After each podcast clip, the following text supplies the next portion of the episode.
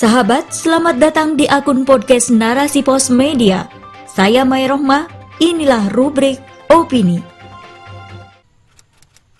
Ilusi pemberantasan korupsi di sistem demokrasi oleh Sri Retno Ningrum, kontributor narasipos.com. Baru-baru ini telah diselenggarakan kegiatan penutupan Hakordia, Hari Anti Korupsi Sedunia 2022 di Gedung Bung Karno, Jakarta Pusat yang bertema Indonesia Pulih Bersatu Berantas Korupsi. Dalam penutupan tersebut, Ketua Komisi Pemberantasan Korupsi KPK, Firly Bahuri, juga menekankan pentingnya Trisula Pemberantasan Korupsi. Seperti yang diketahui, Trisula yang digencarkan KPK meliputi penindakan, pencegahan, dan pendidikan. Dalam acara tersebut, Ketua KPK juga mengajak seluruh elemen masyarakat untuk bahu-membahu dalam memberantas korupsi di Indonesia. Peringatan Hari Anti Korupsi Sedunia diperingati sejak tanggal 9 Desember 2003. Pada waktu itu, PBB mulai menyadari dampak kerugian tindakan korupsi sehingga perlu merumuskan instrumen hukum internasional terkait pemberantasan korupsi di tingkat global agar lebih efektif. Kemudian digelar konvensi PBB untuk menentang korupsi pada tanggal 31 Oktober 2003. PBB pun menyetujui perjanjian anti korupsi yang ditandatangani di Merida, Meksiko pada tanggal 9 Desember 2003. Sejak saat itulah, seluruh negara di dunia memperingati Hari Anti Korupsi. Di negara ini, kasus korupsi menjadi PR dari KPK untuk memberantasnya Pemerintah pun berharap KPK sebagai wadah pemberantasan korupsi mampu membasmi kasus korupsi yang terus menggurita di negara ini. Akan tetapi, pemberantasan korupsi di Indonesia hanyalah ilusi, karena di sisi lain, pemerintah malah mengeluarkan regulasi yang melemahkan wewenang KPK. Adapun regulasi dari pemerintah yang melemahkan KPK adalah revisi Undang-Undang Nomor 19 Tahun 2019 tentang perubahan Undang-Undang KPK yang disahkan pemerintah bersama DPR pada tanggal 17 September 2019. Isi revisi undang-undang tersebut antara lain, kedudukan KPK berada pada cabang eksekutif, padahal status KPK sebelumnya merupakan lembaga independen. Perubahan tersebut menjadikan KPK menjadi aparatur sipil negara ASN. Pembentukan dewan yang mengawasi KPK Pengawas bertugas memberikan izin atau tidak dalam penyadapan, penggeledahan, atau penyitaan.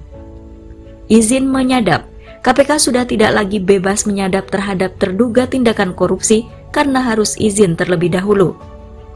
Penerbitan surat perintah penghentian penyidikan SP3 untuk perkara tindak pidana korupsi yang sudah lebih dari setahun. Dari revisi Undang-Undang KPK tersebut, maka dapat disimpulkan KPK tidak bebas dalam menjalankan wewenangnya dan upaya menindak tindakan korupsi dan tidak boleh mengusut kasus lebih setahun.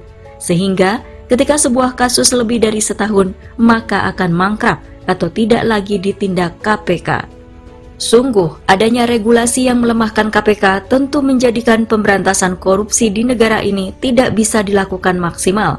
Di samping itu, telah bisa dimungkiri bahwa sistem demokrasi telah menyuburkan kasus korupsi. Iya, biaya kampanye yang berbiaya mahal menjadikan penguasa terpilih melakukan korupsi dengan kekuasaan yang dipegangnya.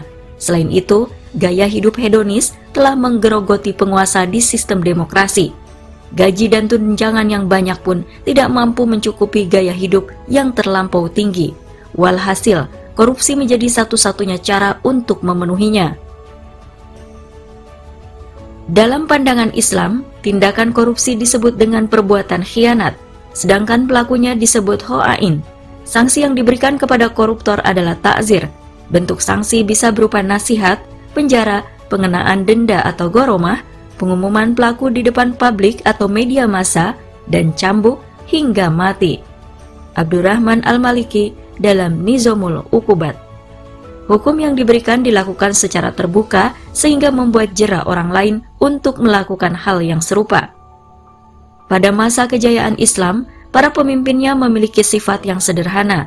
Misalnya, pada masa Khalifah Abu Bakar As-Siddiq, ketika mendapatkan santunan dari Baitul Mal, dana tersebut digunakan dengan cara sederhana. Bahkan sebelum meninggal, beliau mengembalikan santunan 6.000 dirham karena takut memakan harta rakyat, padahal sudah menjadi miliknya.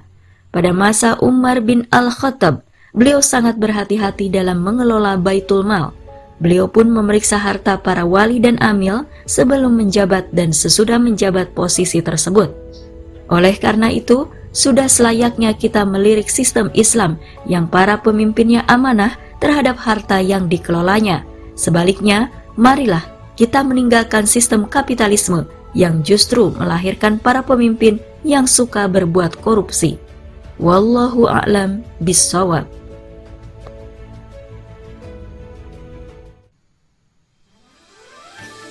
Sahabat, itulah opini kali ini.